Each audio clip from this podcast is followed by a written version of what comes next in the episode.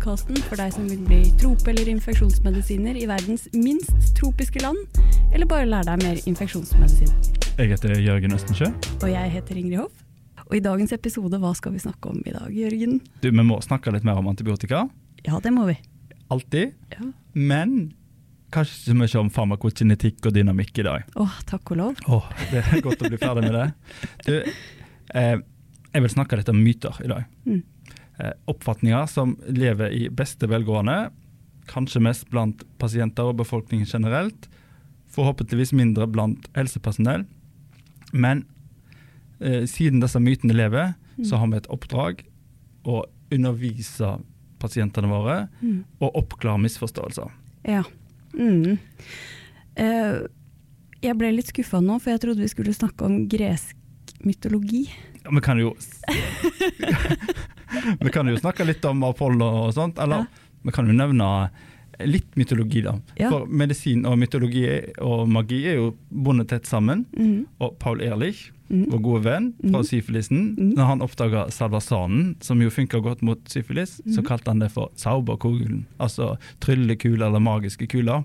Som eh, virka helt fantastisk og bare drepte syfilisen og ikke skada noe annet. For en markedsføringsmann. Ja, kanskje det er mer markedsføring enn myter. Ja. Men, eh, men noen av disse mytene de lever i dag Mm. fortsatt. Mm. Det må vi se litt på. Ja.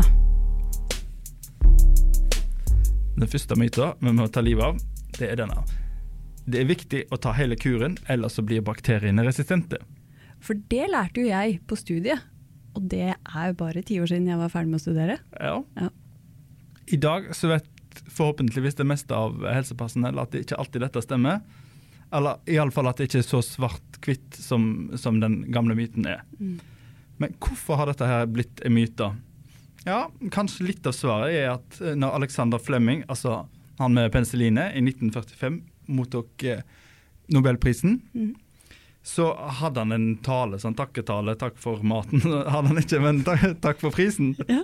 Og der, i den talen sin, så advarte han mot at eh, for lav og kortvarig penicillinbehandling kan føre til resistensutvikling.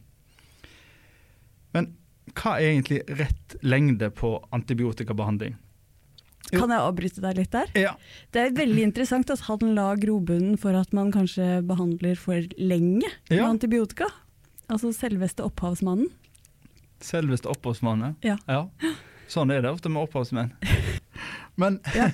Tilbake. tilbake. Jo, Mm. hva er rett lengde på antibiotikabehandling egentlig? Ja. Da kan vi si litt filosofisk at det er akkurat så lenge at det unngår terapisvikt og residiv. Mm. Eh, og det er jo et sånn ideelt svar, og det er kanskje ikke alltid så lett å vite hva tid er. Sant? Akkurat når du har drept nok bakterier til at det går bra. Absolutt sånt er det. Ja. Eh, og de aller fleste infeksjoner som behandles med antibiotika, er jo ukompliserte infeksjoner i allmennpraksis. Og mange infeksjoner i sykehus er heller ikke så veldig kompliserte, og det går fint med korte kurer. Mm. Og mye kortere kurer enn det som tidligere har vært vanlig. Det går jo mot kortere og kortere og kortere kurer nå i våre dager. Absolutt. sant? Retningslinjer sier kortere og kortere kurer. Men har ikke Alexander Flemming litt rett allikevel, da? Altså Den største faren med for korte kurer, det er behandlingssvikt. Og Da må en gjerne ha en ny kur, og da blir totalbehandlingstid eh, lenger. Og så er det kanskje sånn at eh, oppblusset er av, eh, kanskje av bakterier som har fått utvikla resistens. Men de fleste infeksjoner, der holder det med korte kurer. Mm. Og så er det noen viktige unntak. Kan du tenke deg hva det er? Ja, det kan være endokarditt, proteseinfeksjoner og tuberkulose, f.eks. Eksempel. Og andre fremmedlegemeinfeksjoner og vanskelig tilgjengelige infeksjoner med, med kanskje med litt sånn sovende mikrober. Mm. Mm. Så i en akutt infeksjon, um, en akutt ukomplisert infeksjon med mange hyppig delende bakterier, så er det veldig greit å gi en kort kur, Mm. for det er effektivt. Men i en komplisert infeksjon med sovende bakterier på et fremmedlegeme, masse hulrom å gjemme seg borti for bakteriene, der trenger du lang antibiotikabehandling. Sånn er det. Sånn er det. Veldig godt oppsummert. Men Jørgen, la oss si at jeg har fått en antibiotikakur for uh, lungebetennelse. Mhm. Da har jeg, da har jeg kanskje hørt at det å drikke alkohol ødelegger effekten av antibiotikaen. ja. Hva tenker du om det? ja, da tenker jeg jo Er dette en myte som eh, bør la folk ha? Ja, kanskje. Det er jo veldig lurt når du har lungebetennelse å ikke kvelve innpå med litervis av alkohol. Da. Ja, sant? Det er jo det som er poenget. Det er en god idé å ikke, ikke dra på fyllekalas og sånt når en har lungebetennelse. Men det er ikke sånn at antibiotika ødelegger effekten av alkohol. Eller motsatt. Heldigvis. Eller alkohol ødelegger effekten Ja. av antibiotika. Ja. Det er rett og slett ei myte. Å la kroppen få passe ro og ikke kaste opp eller få løs mage og for mye alkohol, Mm. det er jo en god idé. Ja, det er det. Ja, men antibiotika mister altså ikke effekten av alkoholinntak. Men, men er, er ikke etanol litt immunsupprimerende også, hvis vi skal være helt ærlig? Ja, kanskje det. Ja. Men hvis det er sånn at uh, folk ikke vil teste seg for uh, klamydia og gonoré for de vil gå på fest, så er det faktisk bedre å si sannheten at jo, du kan gå på fest og ta doxylinen din, og så går det fint. Du kan få i pose og sekk. Du kan få i pose og sekk, men det er lurt å bruke kondom. Ja. Så har vi jo hørt om metronidazol, at det skal ha en sånn antabus-lignende effekt og gi ubehag hvis en blander det med alkohol. Mm. Og det er kanskje det beste svaret. Tja, eller nei. Ja. Ja, det er faktisk ikke gode data på at det stemmer. Mm. Metronidazol det kan hemme alkoholdehydrogenase. Det var litt farmakokinetikk igjen, Mm. men da må det mye høyere doser til enn det som vi faktisk bruker. Mm. Så alkohol og antibiotika det går greit i lag, Mm. men som alltid i medisin, det er lurt å være moderat. Ja. Men Ingrid, har du noen gang møtt en pasient eh, som sier at den antibiotikaen som du foreslår nå, den funker ikke på meg, eller jeg er resistent mot den antibiotikaen? Det har skjedd noen ganger. Har det, ja? Ja. Ja, det har skjedd meg òg. Mm. Og det er litt sånn pedagogisk utfordring, men så må, eh, kan jeg nå si at det kan være et verdifullt hint eh, for deg som lege. Mm. For det kan jo godt være at pasienten er bærer av ESBL, f.eks. ja, Mm. sant? Kanskje har det vært resistensproblematikk tidligere, Mm. så det er lurt å, å høre på det. Samtidig så kan det være at pasienten har misforstått. Og det er jo litt sånn grunnleggende biologiforståelse der, at det er mikrobene som er resistente mot antibiotika, og ikke personen, da. Mm. Så, men her må en prøve å, å lokke litt ut av pasienten hva det egentlig var snakk om, da. God anamneseteknikk. Yes. Det, det er kjempeviktig. Nå skal være litt filosofisk, Ingrid. Jeg ble bedre, altså virket antibiotika. Som Sokrates sa. Han sa vel det? Men stemmer det? Ja, menneskene har jo til alle tider fått infeksjoner som har gått over seg sjøl. Dette har vært i tusenvis av år før antibiotikaene kom. Og Et ganske vanlig infeksjonsforløp er jo at eh, en først blir syk, og så blir en enda sykere, og så blir en gradvis bedre. Og Mange vil ta jo kontakt med lege først når de blir enda sykere, og kanskje rett før de hadde blitt eh, bedre i et naturlig forløp. Og Da er det veldig lett å gi all ære til antibiotikaen som de fikk når de oppsøkte legen, og ikke til det naturlige sykdomsforløpet. Og det er jo, jeg vet ikke hvor mange eh, luftveisinfeksjoner som er virale. Det er ganske mange. Ja. det, men de har gjort noen studier på det, hvor de har aktivt prøvd å finne agens på pneumonier, så jeg har blitt overraska over hvor mye virale agens man finner. Mm. Og så kan du snu dette hele på hodet og si at jeg må ikke være for tidlig med å gi beskjed om at en har behandlingssvikt når klinikken forverres. Selv, for eh, behandlingen kan ha virka selv om klinikken forverres. Og det er fordi at kroppens inflammasjonsprosess den holder ikke følge med, med tilkomst av bakterier eller drap av bakterier. Og en må kanskje vente et par dager før en kan si at en har fått behandlingssvikt. Og En klassiker her kan jo være erysipelas. Pasienten ble innlagt i akuttmottaket, dårlig allmenntilstand, høy feber. Og så er det kanskje ikke noe klassisk rødt utslett. Og det kommer kanskje neste dag, når overlegen kommer og går visitt på, eh, på sengeposten. Det er stor irritasjon for uh, den stressa turnuslegen i akuttmottaket. Han har ikke gjort noe dårlig jobb, men det er bare det at utslettet kommer kanskje ikke før, uh, før neste dag. Mm. Det kommer gjerne senere enn allmennsymptomene. Og så øker de gjerne på etter effektivt bakteriedrap pga. inflammasjon, og ikke pga. behandlingssvikt. Det er litt som en lokal Jarix Herxheimer-reaksjon. Sånn kan du se det. Mm.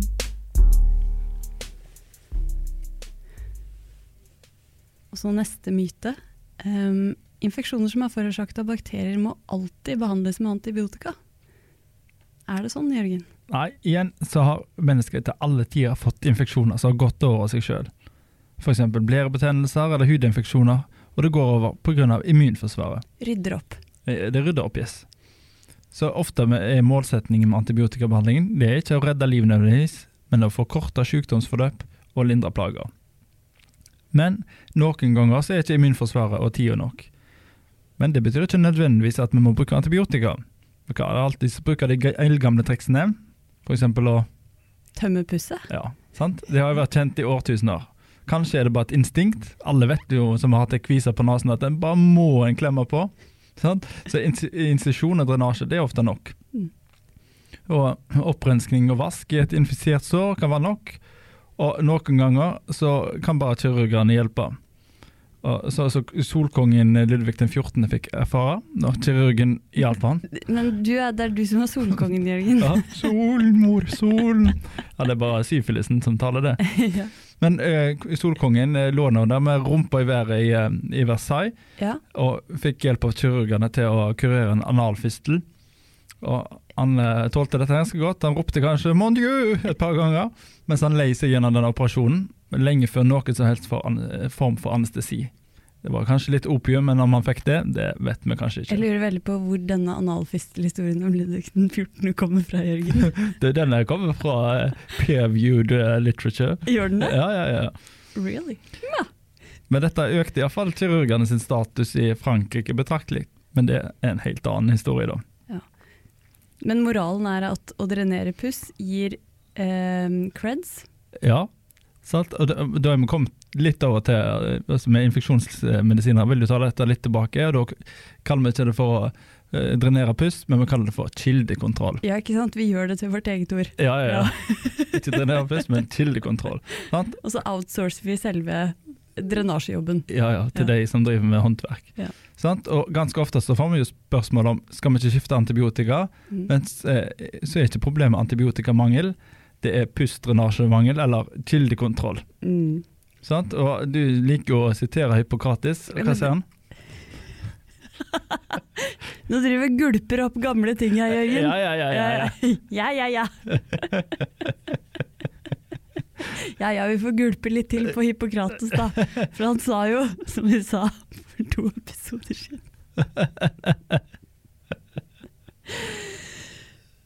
Thy shall not cut for the stone, but leave this to be done by practitioners of this work. ja.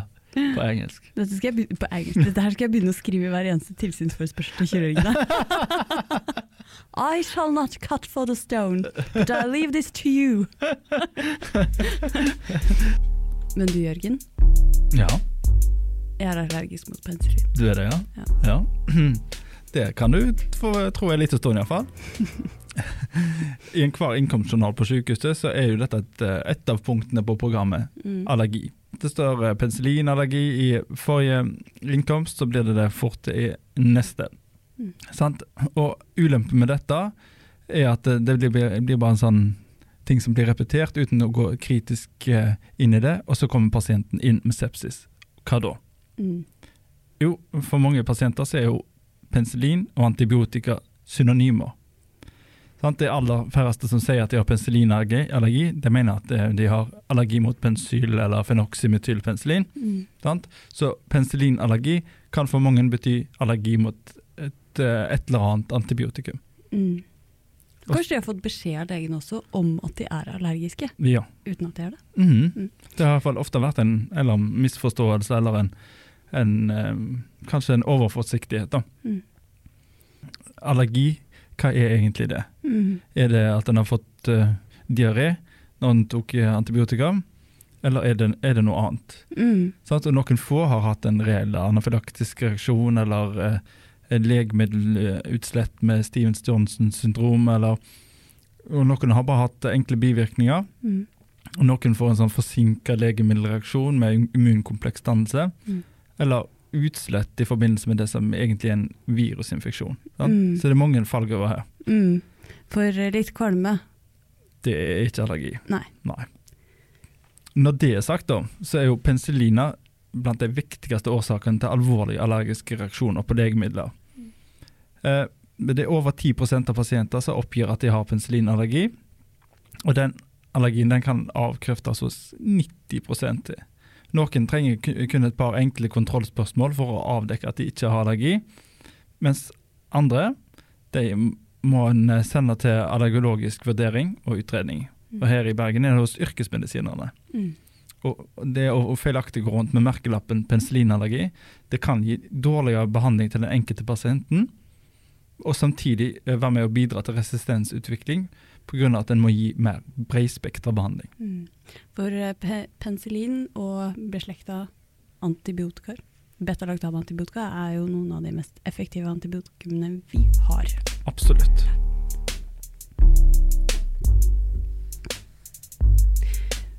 Men Jørgen, spiller det noen rolle om vi passer på antibiotikabruken vår og er fornuftige og edruelige når man uansett bruker vanvittig mye antibiotika i matvareproduksjonen i Norge? Ja, det korte svaret på om det hjelper, er ja. Men det korte svaret på om det brukes masse i matvareproduksjonen i Norge, er faktisk nei. Det fantastisk. Det, ja, det er veldig fantastisk. For ja. her har egentlig veterinærene og matvareproduksjonen det har gått eh, i bresjen. Mm. Så vi, vi, som driver med mennesker, vi må følge sakte etter. Mm.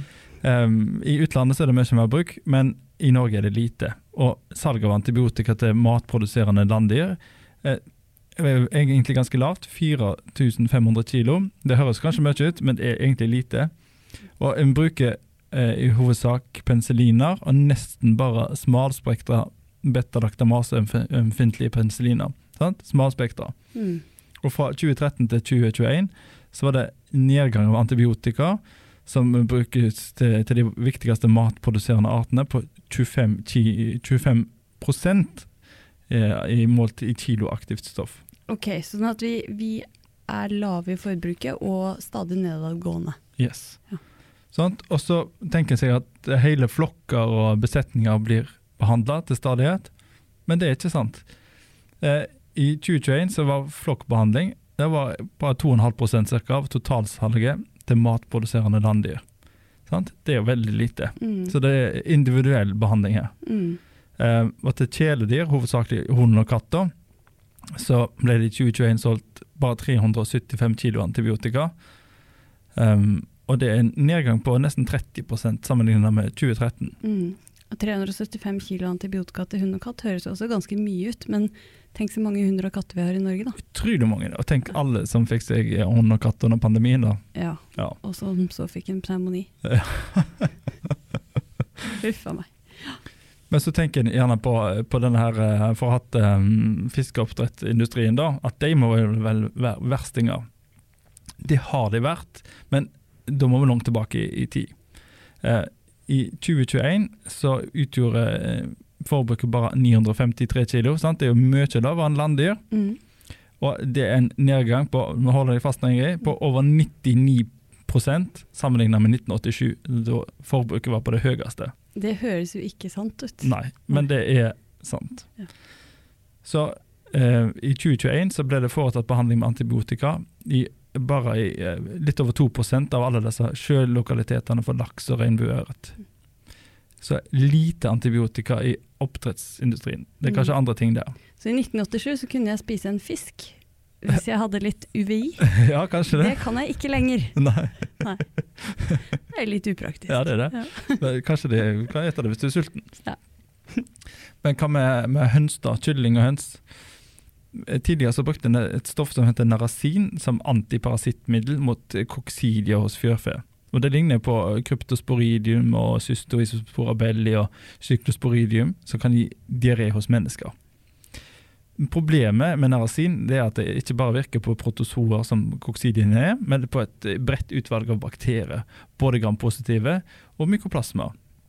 Og Hensikten med den narasinen var at det skulle hindre diaré hos broilerkyllinger, det var tilsatt i fôret, og det sprettes på den måten i naturen, hvor det ble brutt ned sakte og ga en stor økologisk skygge.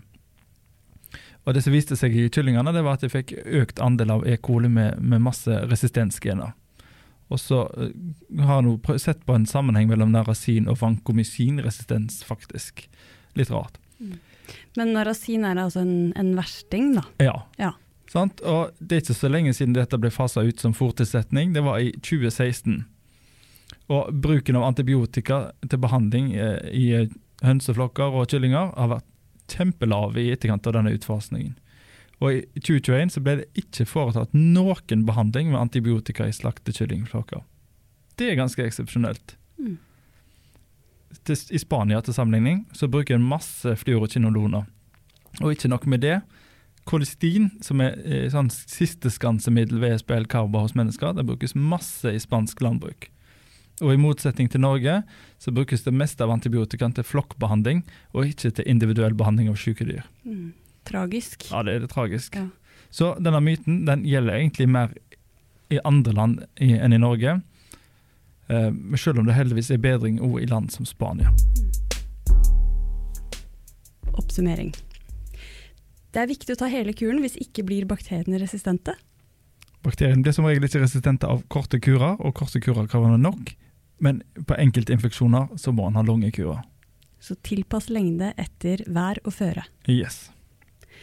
Myte to, det er farlig å drikke alkohol når man går på antibiotika. Nei, det er ikke det. Mm. Ikke farlig, men kanskje ikke så lurt. Ikke så lurt å drikke for mye, iallfall. Myte tre, den antibiotikaen der funker ikke på meg. Nei, kanskje har pasienten resistente mikrober, eller så har han bare hatt en annen mikrobe tidligere. Mm. Jeg blir bedre, altså virka antibiotikaen. Ja, Det kan være antibiotikaen virker eller så hadde du en viral infeksjon og den gikk over av seg sjøl. Hmm. Hmm. Infeksjoner forårsaket av bakterier må alltid behandles med antibiotika. Heldigvis ikke. Mye går over seg sjøl. En må kanskje drenere puss, ha god kildekontroll eller vaske sår. Men det kan gå over av seg sjøl. Myte seks, jeg er allergisk mot penicillin. De fleste som sier de har penicillinallergi, kan han heldigvis avkrefte med få og enkle spørsmål, men noen har alvorlig allergi. Myte syv, det brukes mye antibiotika i matvareproduksjonen i Norge. Det stemte før, men ikke nå lenger, heldigvis. Og vi håper Spania og andre land følger etter snart. Det var det vi hadde i dagens episode. Vi håper at tåkeheimen har letta. Og at kunnskapshullene er tetta. Jeg er Ingrid Hoff, Og jeg er Jørgen Østensjø. og du har lyttet til en episode av Pestpodden, en podkast fra Helse Bergen.